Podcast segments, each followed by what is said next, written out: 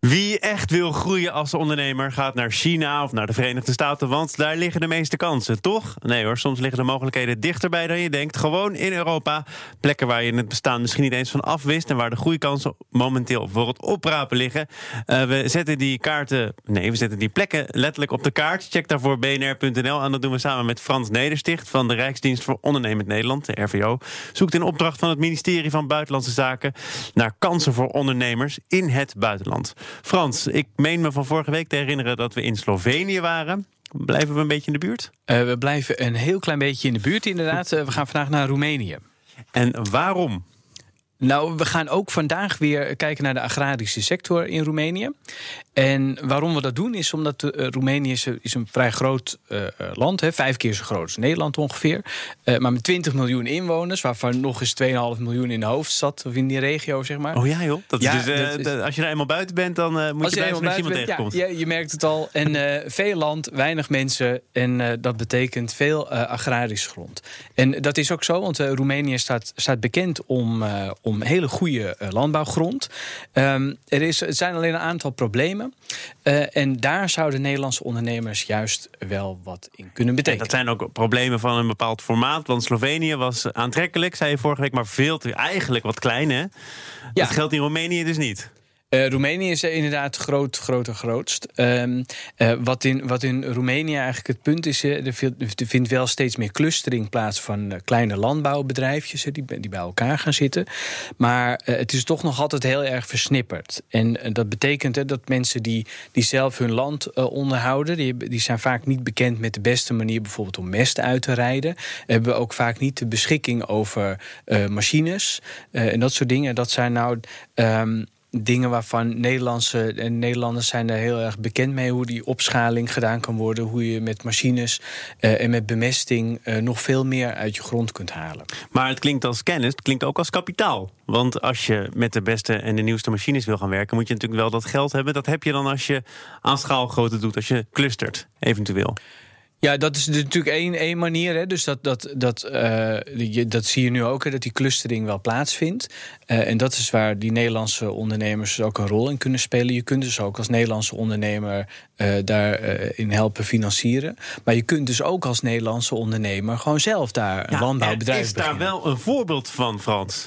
Ja, dat klopt. Ja, dat is, dat is echt ontzettend leuk. Er liggen ontzettend veel kansen voor Nederlandse ondernemers. Maar eh, een van de kansen is dus eigenlijk gewoon om als Nederlandse agrariër in Roemenië aan de slag te gaan. Komt ie, hè? Eh, Jan de Boer. Jan de Boer, Nederlandse, dan dat krijg je ze vandaag niet meer. Uh, Jan de Boer, een, een Nederlandse veehouder. de DN Agrar Groep ehm, is, heeft hij opgezet in Roemenië.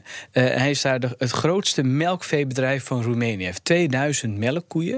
Uh, tot zijn beschikking in, in, in Girbova. Uh, dat is eigenlijk in het, in, in, het midden van Roemenië. Eigenlijk. Het is ook echt in the middle of nowhere.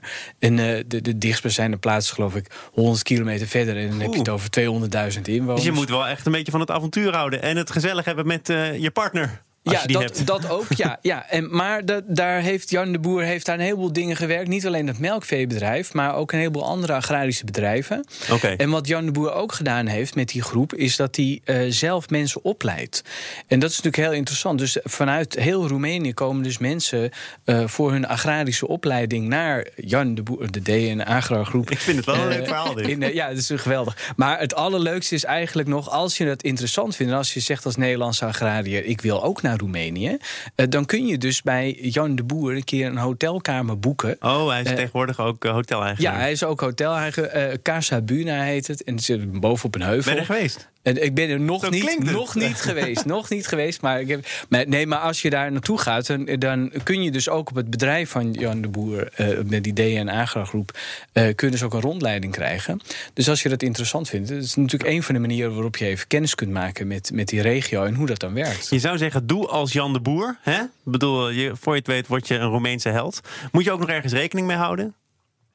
Nou, wat ik, wat ik net al vertelde is dat de Roemeense autoriteiten buitenlandse investeerders eigenlijk geen strobreedte in de weg leggen. Uh, leggen. Dus ze willen graag dat, dat, zeker voor Nederlandse bedrijven is dat interessant.